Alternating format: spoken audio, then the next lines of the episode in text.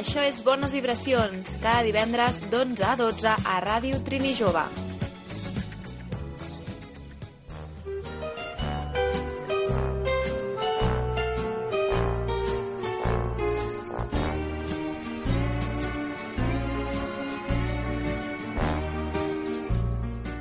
Bon dia, estem aquí a Bones Vibracions, són les 11 i 12 minuts i estem amb, a la taula de so amb la Cristina Ribes. Hola, què tal? Bon dia. Bon dia, i tenim el Joan Enric Vidal, que ens porta a la secció de televisió. Bé, la Cristina ens porta la de cinema, com sempre.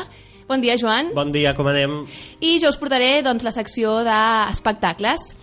Uh, aquesta setmana què tenim, Joan, a televisió? Doncs moltes novetats, de fet en portem moltíssimes, uh, una nova, un nou encàrrec per Antena 3, parlarem d'Helena Dunham, de Girls, que ha patit una polèmica, parlarem de Netflix i parlarem d'una sèrie que torna 21 anys després. Déu-n'hi-do. No es pot saber encara? Sorpresa. Sorpresa. Uf. En espectacles parlarem de moltes obres de teatre, una és La Bar, l'altra és Falstaff, Taxi i The Hall, una obra bastant picantona. Tenia moltes ganes de dir aquesta paraula a la Núria, ho haig de confessar que m'ho ha dit, i només vull dir això.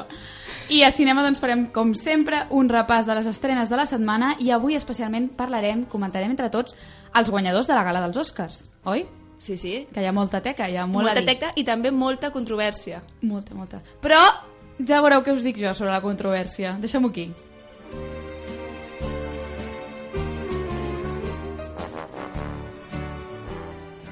I els titulars d'aquesta setmana són...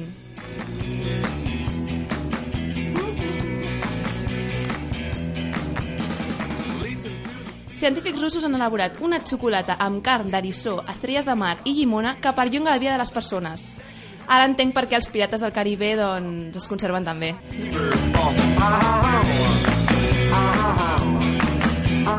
Les canes apareixen abans als europeus per raons genètiques. Rendim-nos. Els americans tots ho fan millor. I l'astronauta americà Scott Kelly, igual que Victoria Beckham la setmana passada, ja ha tocat de peus a terra. Ha aterrat al nostre planeta després d'un any a l'espai. Molt bona aquesta. Però em sembla que ara és 5 centímetres més alt, es veu.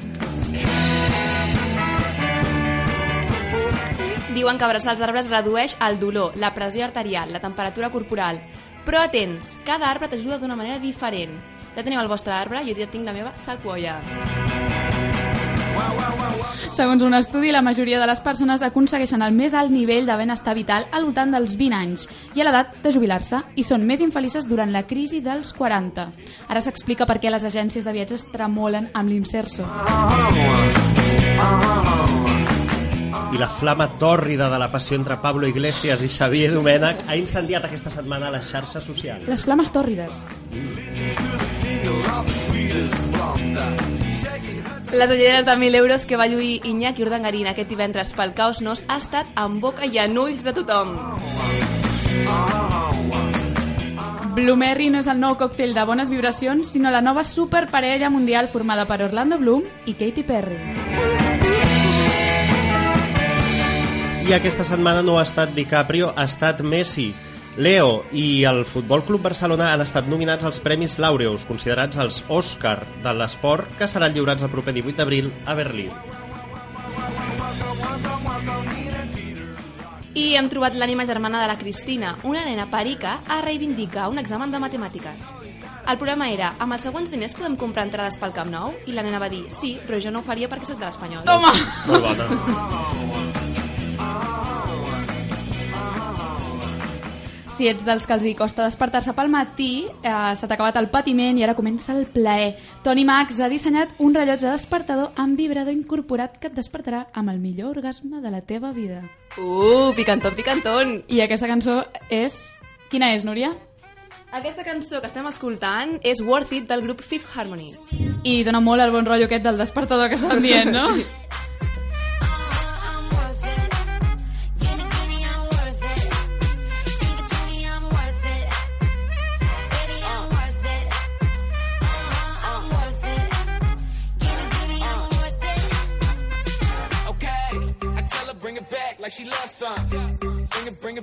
like she loves some.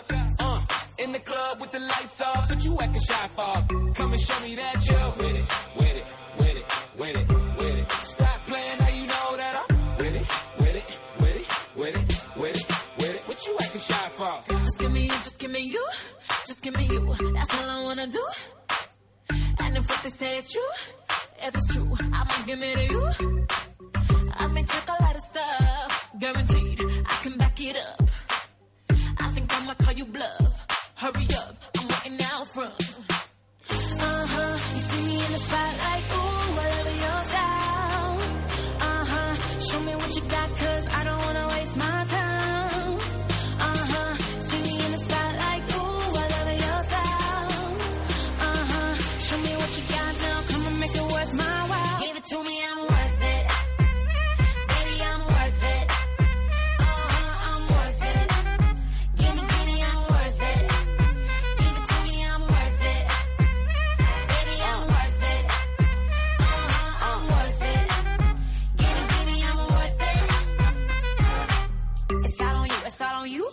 It's all on you. So what you wanna do? And if you don't have a clue, not a clue, I'll tell you what to do. Come harder just because I don't like it, like it too soft. I like it a little rough, not too much, but maybe just enough.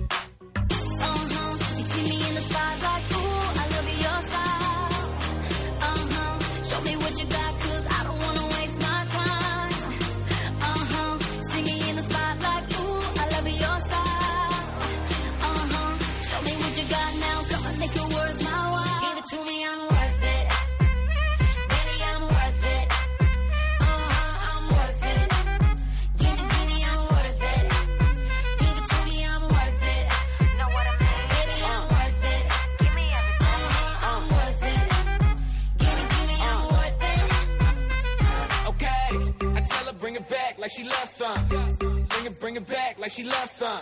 Uh, in the club with the lights off, but you acting shy for. Come and show me that you're with it,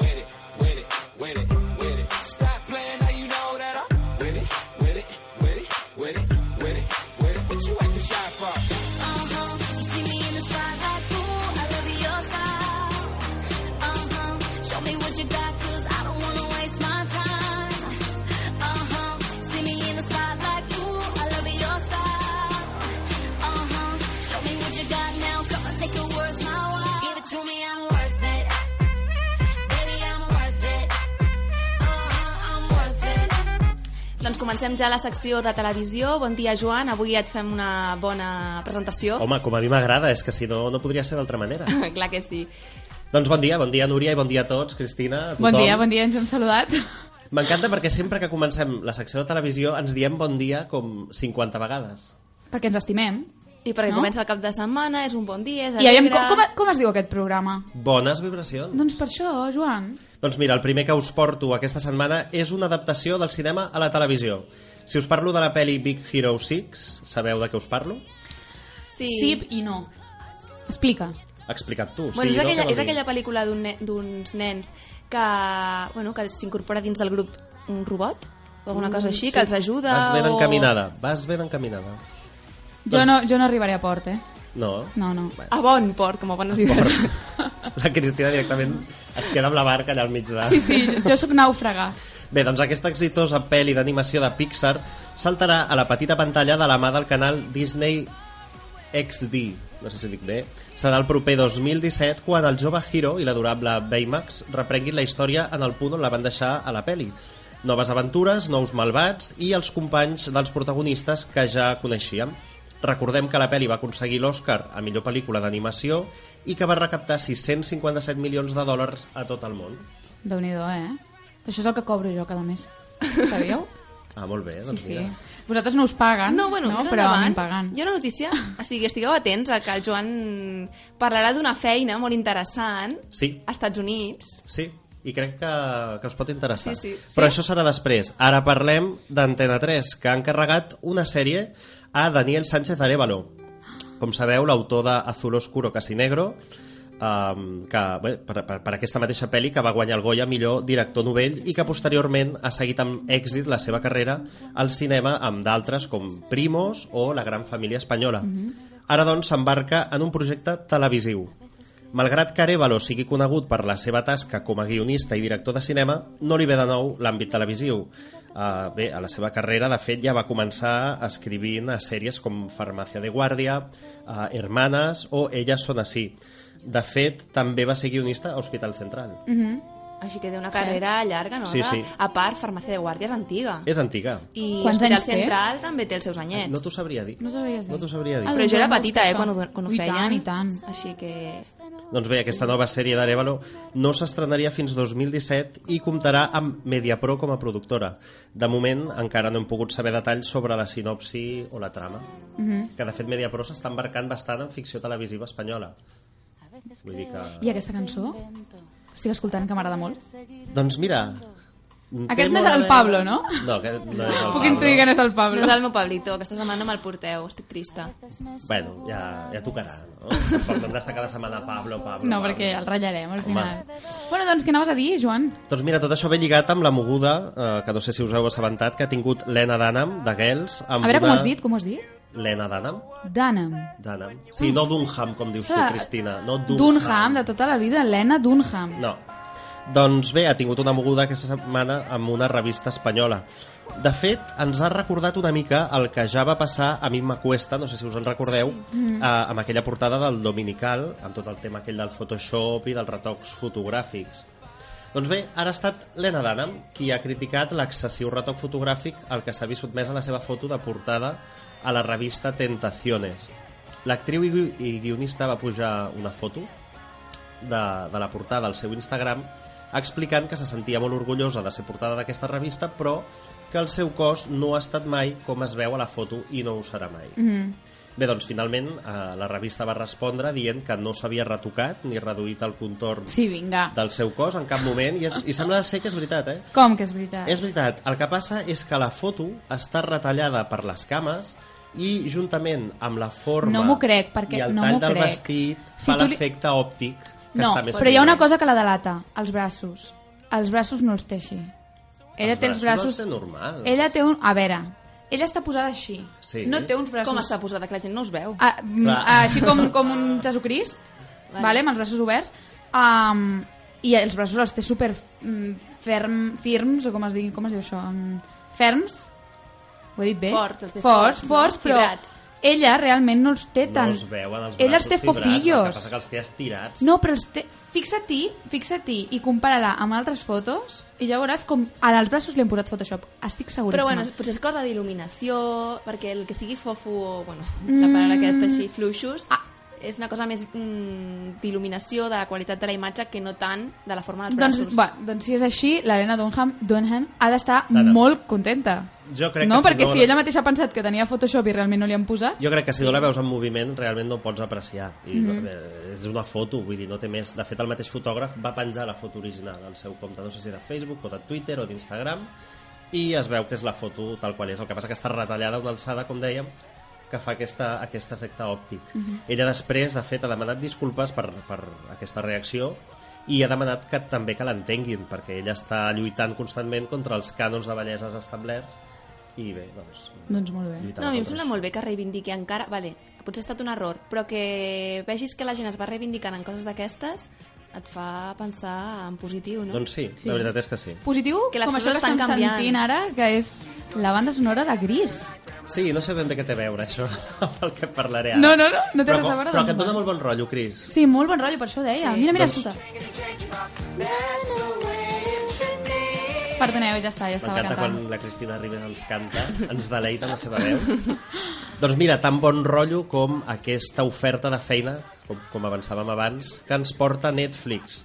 Ofereix una feina com a Instagramer als rodatges de les seves sèries. Us imagineu que us paguin viatges a Estats Units eh, de rodatge en rodatge a sèries guais i que a sobre us paguin, atenció, 2.000 dòlars a la setmana? 2.000 dòlars a la setmana? El nostre somni Però si és això és els meus poquíssim. càlculs, són Això és poquíssim. Jo- 8.000 al mes. Jo Doncs cobro, mira, jo sí. cobro molt més que això. Sí. Això és poquíssim molt per poc, tu, Cristina, Molt eh? poc, jo cobro molt. Home, jo li estava dient a la Núria, li dic, uh, jo només que em donguin 100 euros la setmana, dòlars, o que sigui 100 dòlars a la setmana, per fer això, jo hi als vaig. Estats Units de, de franc.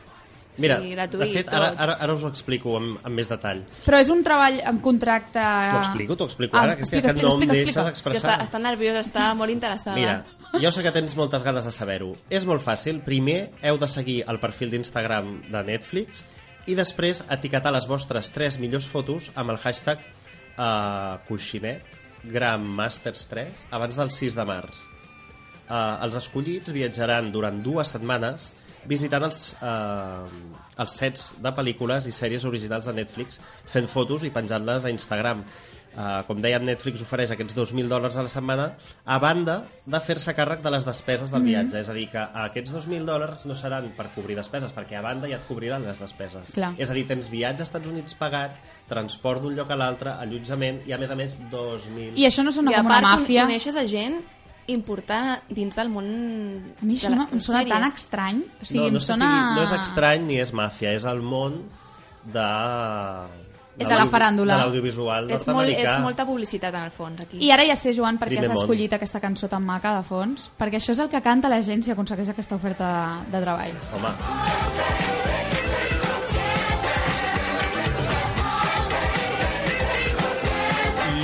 acabarem parlant d'una retrobada molt emotiva. Mm, sentiu aquesta sintonia? Us en recordeu? En aquest cas, Cristo et sona? Espera't una mica, espera, que Home, jo amb els noms... Ja l'hauries d'identificar. Un moment. Ostres, crec que tinc un problema. Em sembla que no la conec, A mi no em eh? sona de res, Ah, un eh? moment, un moment. Sembla que el Joan ens està aquí enganyant. Qui és la que canta? Bueno, millor que no, que no en parlem perquè és Carly Rae Jepsen i ja la setmana passada Ah. van fer un apunt una mica erroni sobre Jo, ella. doncs jo et porto avui una persona que tinc a la llista negra i no ho sabia, que el, tenia. Llista negra. Ja us ho diré, us ho diré. Vale. Com Doncs has estat això, Avui el, Joan? Avui el Joan està picantón. Avui estic... Sí, sí, sí. A veure, sí. a veure. No, no, va, va, va. Bé, doncs tota a, aquesta sintonia és mítica, vull dir, vosaltres perquè sou molt jovenzueles i bé, suposo que no, no us en recordeu. Jo us he de reconèixer que m'he emocionat molt veient el primer episodi d'aquesta nova Fuller House o Madres Forzosas, que Netflix va estrenar divendres passat, que és la continuació de la mítica Padres Forzosos, uh, que reprèn 21 anys després de l'emissió del darrer capítol. Hi ha hagut un silenci. M'he quedat tan sol, m'he quedat tan sol. Però en sèrio no us en Eh, recordeu? Ens, hem quedat tots mirant així com, com, com dient, què diu aquest? mm, Com es van fer famoses... Joan, mira, com es que- van fer famoses les gemeles Olsen? A una sèrie... Pot, no, no me'n recordo. una Una sèrie- sèrie de Disney Channel o no, de hi havia? Disney Channel no. Bueno, això va ser després quan eren més grans, però elles, quan eren un bebè... Ah, sí, Era una sèrie de dos... És que totes les bessones famoses... Ja la recordo, Clar. la sèrie. I la, Doncs i, les, i, la, i la, ti, la tia i la Tamera Mowry, aquelles que feien la Sister Sister també, Sí. que eren, Sí. eren Sí, ja mulates, són. aquelles dos... eh, Sí. Doncs jo també veia aquest, aquesta, però les Olsen no les Però vaig que això és veure. molt, de, molt després, això és molt del 2000. Clar, però és que tu, tu quina edat creus que tenia jo els 2000? Doncs no L'edat d'entendre el que em posaven a la tele. Ai, la meva joventut. Si ho entenen ara, eh? Joli, Núria. em deixes fatal, eh, a tot arreu. Doncs fins aquí la secció de tele. Molt bé, moltes gràcies, Joan. Ha estat molt interessant. Estarem atents a aquesta oferta de treball de Netflix. Ens presentarem, encara que serà complicat, perquè hi haurà molta Hi competència. haurà molta competència, però jo he estat mm, curiosejant una mica el hashtag i les fotos mm, que hi ha de moment etiquetades són bastant justetes, eh? vull dir que... Potser si pengem una d'aquí del programa de Bones Vibracions, els hi transmetem el nostre, la nostra atmosfera, Sí. el nostre ritmillo. Sí, les nostres vibracions. Molt bé, doncs eh, estarem atents i ara passarem a la secció d'espectacles, però abans escoltarem la cançó aquesta cançó que també és molt marxosa i és molt divertida i, bueno, no sé si heu vist el, el videoclip. Sí, hi ha molt, hi ha molt picantón. Pareu de dir picantón avui, sisplau. La setmana passada va ser la paraula revelar, que no li agradava al Joan. Aquesta setmana és picantón. T'ho estem fent expressament, eh? Això és un boicot, al Joan. Bé, doncs escoltem la cançó meravellosa de Marvin Gaye. Meravellosa. Maravillosa.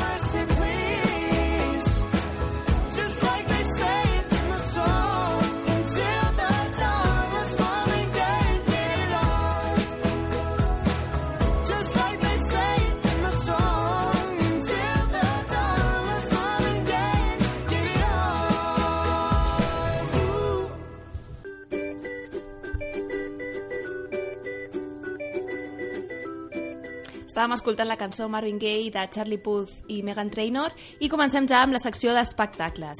Sobre espectacles us porto una obra de teatre de Molière versionada per Sergi Bel eh, Belbel i dirigida per Josep Maria Mestres. Es titula La Bar. Mm. Tenim temps fins l'1 de maig per poder anar a veure al Teatre Goya. No sé si el Joan està assabentat d'aquesta obra amb els cartells dels, Sí.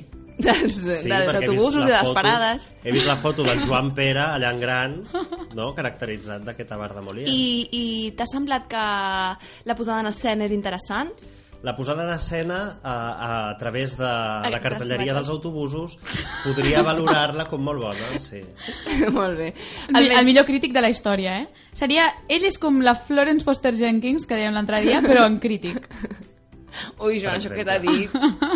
Bé, doncs, La Bar és una comèdia i Molière utilitzava molt bé totes les claus de l'humor amb una trama amorosa, amb una trama coral amb molts personatges. Tal i com us explicaré ara sembla complicada, però no ho és, perquè és amorosa i hi ha, bueno, hi ha parelles que es barregen, històries... La història gira al voltant de Harpagon, que és un home vidu i avar que vol casar la seva filla, la Lisa, amb Anselm, que és un home vell i ric. Aquí, fins aquí és una història la típica d'un pare que vol casar la seva filla. Elisa, en canvi, es vol casar amb el Valeri, a qui han contractat com a intendent i per això ha aconseguit doncs, entrar a la casa de, del senyor aquest Harpagon. Alhora, Harpagon i el seu fill Cleante es, dispu es disputen l'amor d'una altra noia que és la Mariana. Què passa? Que el criat de Cleante vol ajudar el seu amo i per això el que fa és robar l'or de Harpagon. Per tant, aquí ja es crea una confusió i un mal rotllo impressionant. Què passa? Que acusen a Valeri d'aquest fet i confessa el seu amor per Elisa. I a partir d'aquí, aquesta confessió, com acostumen a passar en moltes obres de teatre, és el desencadenant que porta a la resolució de tot el conflicte, tota la confusió. Anselm descobreix que Mariana i Valeri són els fills que pensava que havia perdut en un naufragi i finalment les dues parelles podran casar-se i, i finalment Harpagon, feliç i content, recuperarà el seu or. Què passa? és enrebaçada la història, dit així, no? Sí, dit així. Sí. Perquè, clar, hauríem de fer com una mica un croquis de qui està amb qui i qui roba qui i qui és acusat. Però, bueno. El Joan es riu i no sé de què. De les meves paraules. No, no, jo ho he entès perfectament. Molt bé. doncs seguim. Però els fills han naufragat o no? Aneu a veure l'obra, la podeu anar a veure, Ah, com us he dit, fins al l'1 de maig al Teatre Goya i descobrireu, esbrinareu si els fills que, que pensava uh, Anselm doncs estan naufragats o no. Joan, és que estic veient el Joan que no s'aguanta. Va, podem continuar. Eh, sisplau. continuem, continuem. La següent és Falstaff. La tenim al Teatre Acadèmia. No rigueu, home, que és Va, seriós, perdó. eh? Va, va. Falstaff és molt seriós, eh? Va. Falstaff la tenim al Teatre Acadèmia fins al 20 de març i és una obra dirigida per Conrad, si ho pronuncio bé, Schredrick. I es basa en... Va, Núria, tira, que avui el Joan té es basa, el dia. es basa en diverses obres de William Shakespeare. L'acció passa a Windsor, Anglaterra, durant el regnat d'Enric V a inicis del segle XV. El personatge principal té els aspectes bufonescos propis d'alguns personatges de les obres shakespearianes, però també és intel·ligent i atractiu a les dones. La història gira al voltant dels intents de seducció de Falstaff cap a dues poderoses burgeses que el que fan és respondre amb burles. L'obra de teatre és una tragicomèdia sobre les debilitats humanes i els jocs que es produeixen entre aquestes persones per aconseguir el que busquen.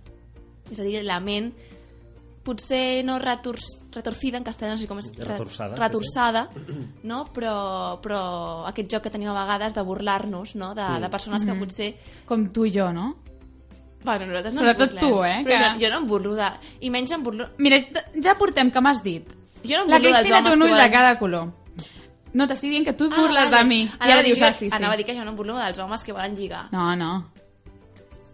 Has dit, I has dit un nom? O m'ha semblat a mi? no, no, no he dit cap nom Ah, eh? vale, els vale. homes que volen lligar Vale, vale. Vida privada. vida privada, aquí això és top secret i no es pot dir passem, passem a la següent obra es diu Taxi, és la comèdia més exitosa de Ray Cooney o Cooney Cuni. Cooney jo no sap tot. es va estrenar el 1983 en el Shaft... Com pronuncia tu, Joan? Shaftesbury Theatre. Molt bé. Es va representar de forma ininterrompuda durant 12 anys en el West End de Londres. déu nhi eh? 12 anys de forma ininterrompuda i seguida. Déu-n'hi-do, sí, sí. Que és difícil, eh? Quan hi ha molta competència, hem vist en el Però West End de Londres. A Londres i sobretot al West End no et penses que és tan difícil que es mantingui una obra en un mateix teatre durant mm, a veure, 12 anys Sí, clar, són molts no- anys aquí no estem acostumats però aquí a no això. estem acostumats a això és a dir, aquí muntem i desmuntem cada dos per tres Clar. i allà una obra es queda en un teatre durant molt de temps no, Clar. potser no 12 anys, perquè potser sí que és, és, és, és moltíssim, però, però, però com a mínim 2-4 anys mm, Sí. Bé, aquest fet, aquest, eh, aquesta dada ens serveix per entendre per què es va canviar fins a 20 vegades diferents el repartiment, clar. No, mm -hmm. no, no mantindrien els, durant aquests 12 anys els mateixos Clar. actors, perquè, clar, el seu físic va canviant, també. Mm -hmm. I, A no ser que mengin eriçó de mar, estrella aquest, i aquest llimona. xocolata que han dit el, els titulars que perllonga la vida, no? A partir d'aquí va arribar a Broadway, és a dir, una vegada ja van passar aquests 12 anys i es, va fer més, es van fer més de 500 produccions a tot el món i s'ha traduït en 35 llengües. Així que déu nhi Aquesta obra, per tant, eh, ara arriba aquí i haurem de veure quina rebuda té. Però esperem que la tingui la mateixa bona rebuda que allà. Però clar, ja sabem que el teatre aquí no és el mateix que allà. No, no, i segurament que I no, durarà, no durarà tant Encara que és una versió, però sí. la producció... la producció de tot. El protagonista és un taxista, com diu el títol, de professió, i és un home aparentment feliç i casat amb una vida tranquil·la i, en cert, i de certa manera bastant monòtona. Està casat amb dues dones i vivint amb cadascuna en un barri diferent. Per tant, té com una doble identitat o una doble vida. Això l'obliga a organitzar-se molt i poder, per poder estar amb les dues dones i que cap de les dues s'assabenti de, de que està tenint una afera bueno, o està amb una altra dona. Què passa? Que aquest home estima les dues i no les vol perdre, i això ho manté en secret. Tots se'n van a risc quan té un accident i a l'hospital tenen el, el, el seu registre, el seu nom, per partida doble en la, comisa- en la comissaria de cada districte. Clar, això ja comporta un problema. Seran dues persones amb el mateix nom o una mateixa persona amb una doble vida. Això és el que s'haurà d'anar veient durant tota, durant tota l'obra, és el que intentarà investigar i, i descobrir la policia. uh -huh. I el protagonista comptarà amb l'insuportable ajuda d'un veí molt incòmode. Incòmode. Incòmodes. El típic veí insuportable, saps Uf. que, que et vol ajudar... En sabem, en sabem d'això, sí, eh? veïns insuportables Teniu veïns d'aquests? Uh! bé, deixem-ho aquí Bé, doncs la podrem anar a veure al Teatre Condal fins al 24 d'abril. veus el que et deia, fins al 24 d'abril És que el Joan ho sap tot. No, no, Avui ve a... el que et deia vull dir que, que 24 d'abril, que és un mes i... o dos mesos, Sí, des és- d'ara, Sí, 12 anys, al West Clar. End de Londres. Vull dir, aquí està, aquí està el tema. molt bé. I per últim parlem d'una obra que jo tinc l'ho- bueno, l'honor o la sort d'anar a veure que es diu The Hole. És una obra, no diré la paraula que tant m'agrada, que és una obra, doncs... Picantona. Joan, saps que ara agafarem aquest tall, oi? I Doncs- doncs... l'anem passant durant cada programa. Doncs The Hole la podem anar a veure fins al 20 de març al Teatre Coliseum i mm, quan la vagi a veure ja us explicaré què tal. Suposo que ja sabeu de què va. No? The Una Ja. Hole. ja l'han feta, no? Ja l'han fet altres anys, Ah, sí. Sí, ja, porta, ja porta temps, eh? Doncs bé... Uh... Però han anat canviant de teatres, oi? No, sempre l'han fet l'han mateix. fet mateix? Ah. Sí, sí, sí.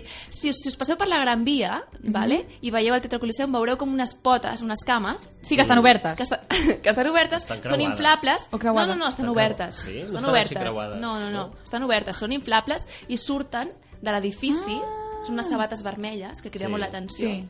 sí, sí, doncs és allà. Doncs, com diu el nom de l'obra, The, The Hole, que vol dir forat. forat, no? ja ens dona una Connotacions negres, no? mica... Sí. Forats negres. Cristina, deixa. En aquest forat trobarem doncs, els mestres de cerimònies més incorrectes i extrovertits i podrem veure les millors i més sorprenents actuacions d'artistes nacionals i internacionals. És un espectacle descarat que barreja teatre, cabaret i tot plegat està convertit com si fos un club. I hi ha burlesc, comèdia, música en directe, striptease, números circenses, vamos, que m'ho passaré molt bé. Molt bé. no? Creieu? Per això vol dir que hi vas. Sí, sí, hi vaig. Ah, hi vas. Segurament que t'ho passaràs molt bé, Núria. Molt és, el teu, bé. és el teu ambient. Alegraré la meva vida. Home, Cristina, per favor, eh? No, no, jo t'ho preguntava perquè no, no, a mi no m'has dit res, no m'has convidat ni m'has preguntat un cop més. Bueno, és que vaig als- amb els meus cosins. Ah, vale, vale. És una És, sortida és, així... és, és un espectacle per anar-lo a veure amb parents, Sí. Clar, sí, totalment. amb els cosins. És molt familiar, és per anar amb els pares Sí, i amb els... i amb el bebè. No, no, és una obra, això que hem dit, descarada. Hi ha eh, actuacions de molt alt nivell i fins i tot una gran història d'amor. A més, podem prendre una copa o sopar mentre gaudim de l'espectacle en un espai diferent i del el més pur estil novaiorquí. Mm -hmm. Molt bé, sí. o com es digui, de Nova York. De Nova York, sí. I ara, abans de passar a la secció de la Cristina, que està molt animada avui, no? aquesta secció de cinema, que ens parlarà dels Oscars i d'altres coses, doncs escoltarem una cançó preciosa d'Adele que es titula When We Were Young. Ho com has dit? Uau, uau. Què has No, dit? ho ha dit bé, ho ha dit molt bé. Ho he dit molt bé i ràpid, I no? ràpid, sí. La ràdio és ritme, com diuen. La ràdio és ritme, com diuen, o com ens van dir? Doncs, com us deixo, aquí Adele amb Quan érem joves, When We Were Young.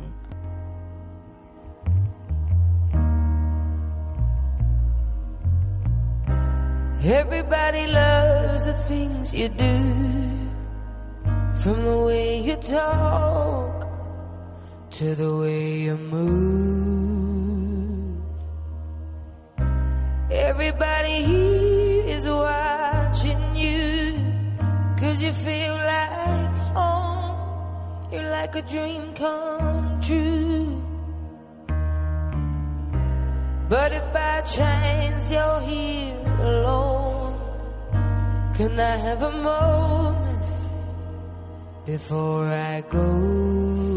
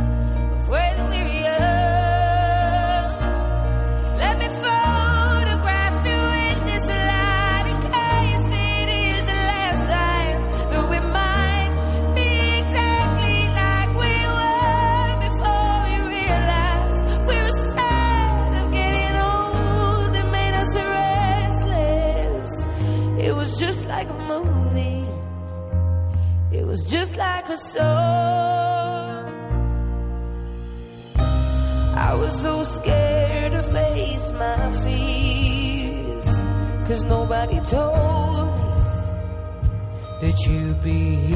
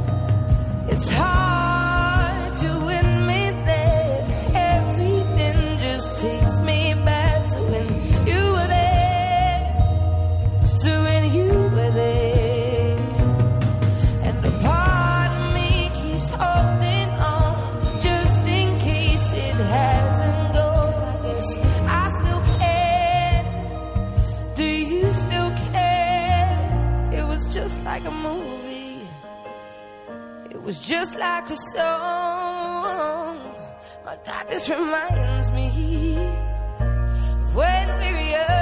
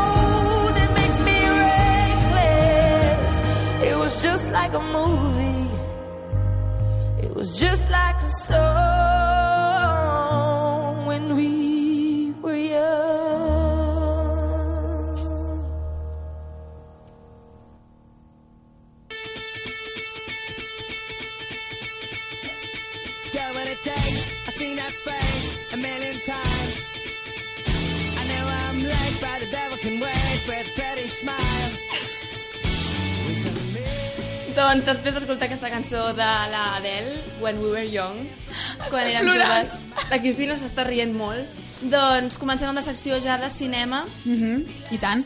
Uh, com he dit, sempre farem un repàs de les estrenes de la setmana. I aquest cop sí que m'esplayaré a les estrenes de la setmana perquè, nois, estic super contenta aquesta setmana perquè tenim molt bones estrenes.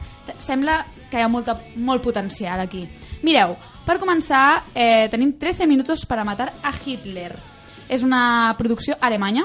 El director és Oliver Hirschbiegel. És un drama biogràfic dels anys 30 i tracta sobre el nazisme. Jo, I veureu que, més, o sigui, veureu que ara estem en aquesta etapa de, de retornar al nazisme una altra Perdó. vegada. Què passa? Estem en una etapa de retornar al nazisme. Cultural, vull dir, artísticament. Ha com una, com una tendència a retornar Vale, vol a l'època del Vol nazisme. dir que, que últimament s'estan fent eh, Sí, moltes sí, que pel·lícules... ara us doy una altra que també tracta d'això. Sí. Ah, vale, vale, vale. Vull, no m'ho invento, Ens has- has ens has espantat. No Ho has dit d'una manera que ha sonat una mica estrany.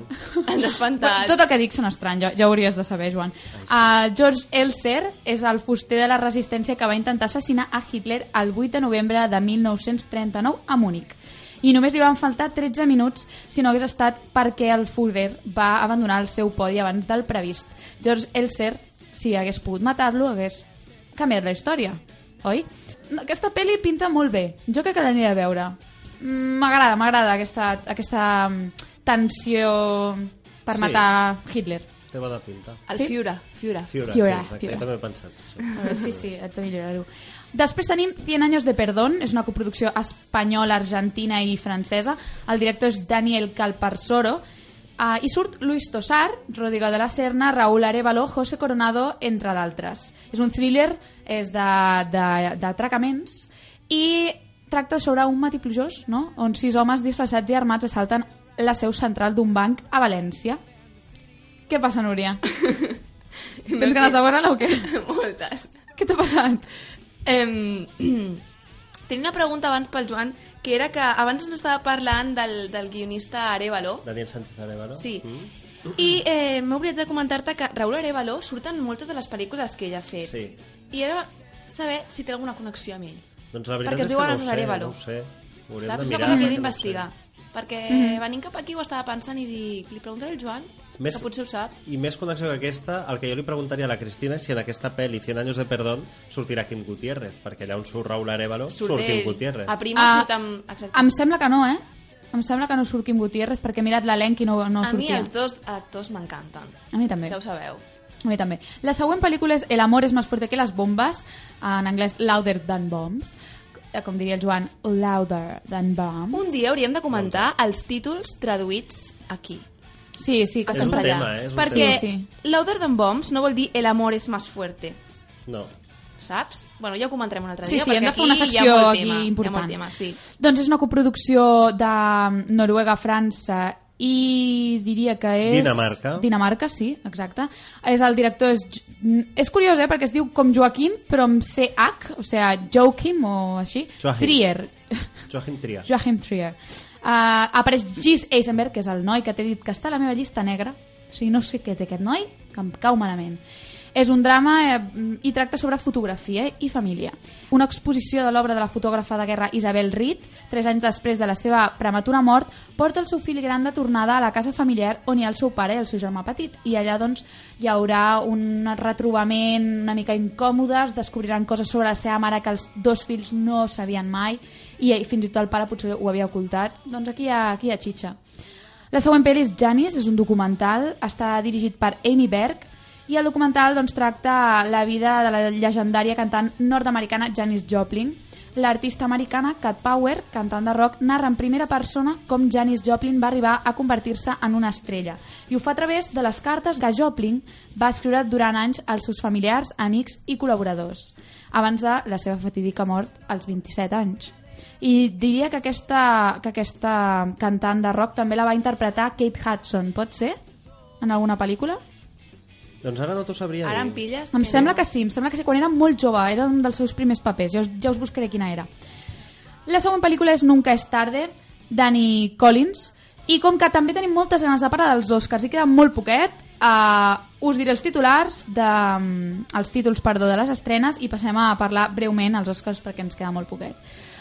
És Nunca és tarde, de Danny, eh, Danny Collins, Remember, de Atom Egoyan, Rock de Casbah, de Barry Levinson, Vulcania, de José Scaf, i ja està. Aquestes són les estrenes que teniu, les podeu buscar per internet, teniu tota la informació, i mm, besos i cine, no?, com diria Javier Rebollo. Doncs ara passem ja directament als Oscars. Espera, espera, espera, espera. Digue'm. Aquí la gent jo crec que necessita fer un parèntesis i que ens expliquis qui és Javier Rebollo i per què el menciones. Javier Rebollo és un director de cinema espanyol que està superboig, és superbon tio, ens ha fet eh, Bueno, classes boig a la que És molt universitat. extrovertit i té un bon rotllo Sí, sí, i un sí. tracte amb els estudiants superproper i, i la veritat és que bueno, Sí, sí. fa d'una manera molt, molt didàctica molt, molt bona. Mm -hmm. només, només comentar els Oscars, ja que està sonant ja de fons aquesta cançó típica dels Oscars, que sempre ens agrada posar-la, només comentar, a mi m'agradaria haver dit moltes més coses dels Oscars, però clar, no tenim temps, llavors només dir que. Spotlight, Spotlight ha sigut la gran sorpresa i la gran admiració de la nit, que la gent no s'esperava que guanyés, perquè Spotlight era una pel·lícula que no tenia darrere eh, una gran productora, per tant, la gent es pensava que, que sortiria una altra vegada el Renacido, eh, Mad Max, no? com Mad a millor Max que va aconseguir molts, eh? Exacte. Doncs no, mira, Spotlight i està molt bé perquè, perquè tracta un tema bastant bastant dur. Explica com un grup de periodistes va destapar els escàndols de pederàstia comesos durant dècades a Boston. I es veu que ho ha fet amb molt... Jo encara no l'he vista, d'acord? Però la veuré, la veuré. I es veu que ho ha fet amb molta honestedat, amb, amb molta... com es diu això? Amb dignitat. Amb molta dignitat i no ha tractat molt amb molta profunditat a criticar les persones. De millor direcció tornem a tenir Alejandro J. Iñárritu, un doblet ha fet, i està a l'alçada de dos altres directors que ho han aconseguit, de que van guanyar un Oscar dos anys seguits, que van ser John Ford i Joseph L. Mankiewicz. I, I res, també, de fet, és el tercer any que aquest premi se l'endú un mexicà. Abans del doblet d'Iñárritu el va guanyar Alfonso Cuarón, no? Sí, per la pel·lícula Sí. Gravity. Vull Sí. dir que Mèxic està a, On a tope. Sí, sí.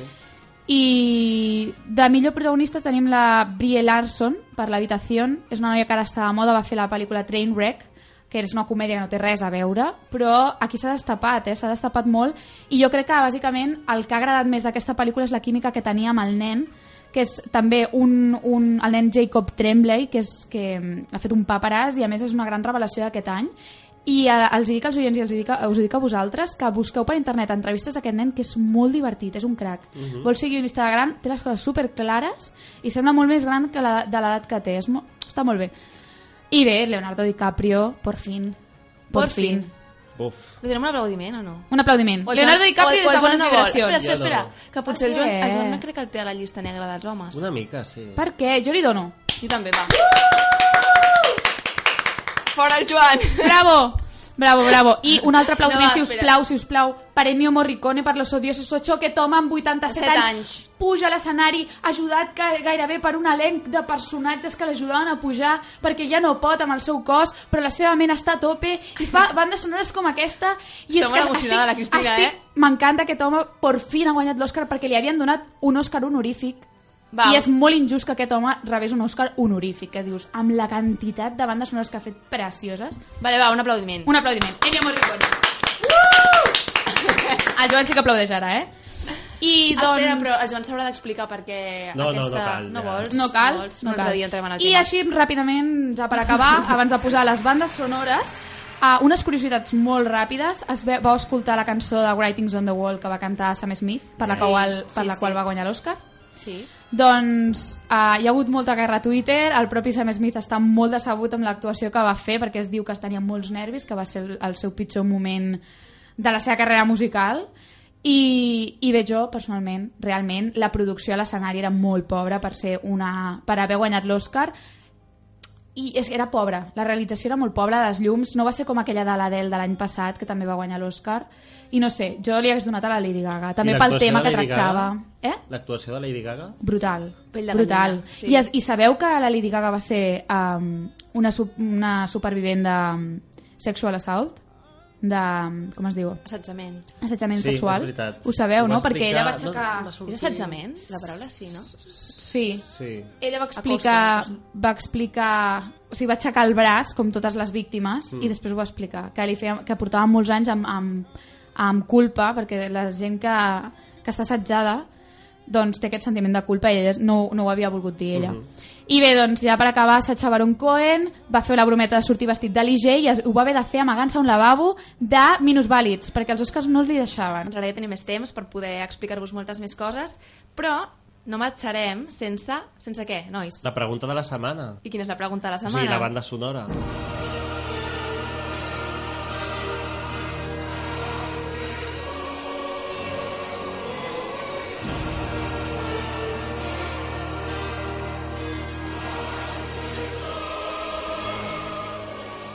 Doncs bé, aquesta era la banda sonora de la setmana passada. I quina és, nois? Ho Va, digueu tu què és. Un, dos, tres. Ben-Hur.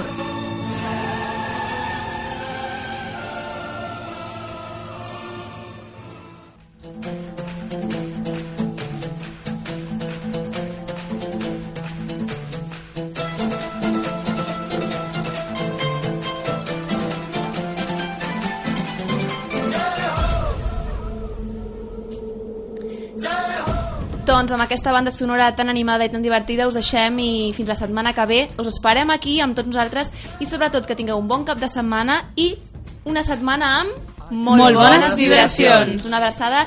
Som aquí la Cristina Ribes, el Joan Enric Vidal i la Núria Torres. Adeu. Adeu.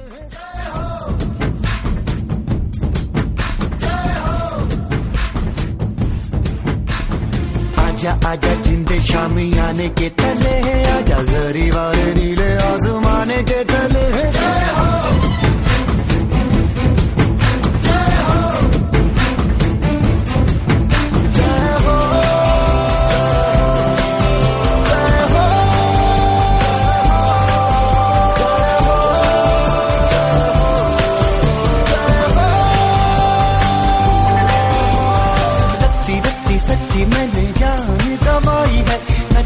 लो कोयलों पे रात बिताई है। अखियों की नींद मैंने फूकों से उड़ा दी।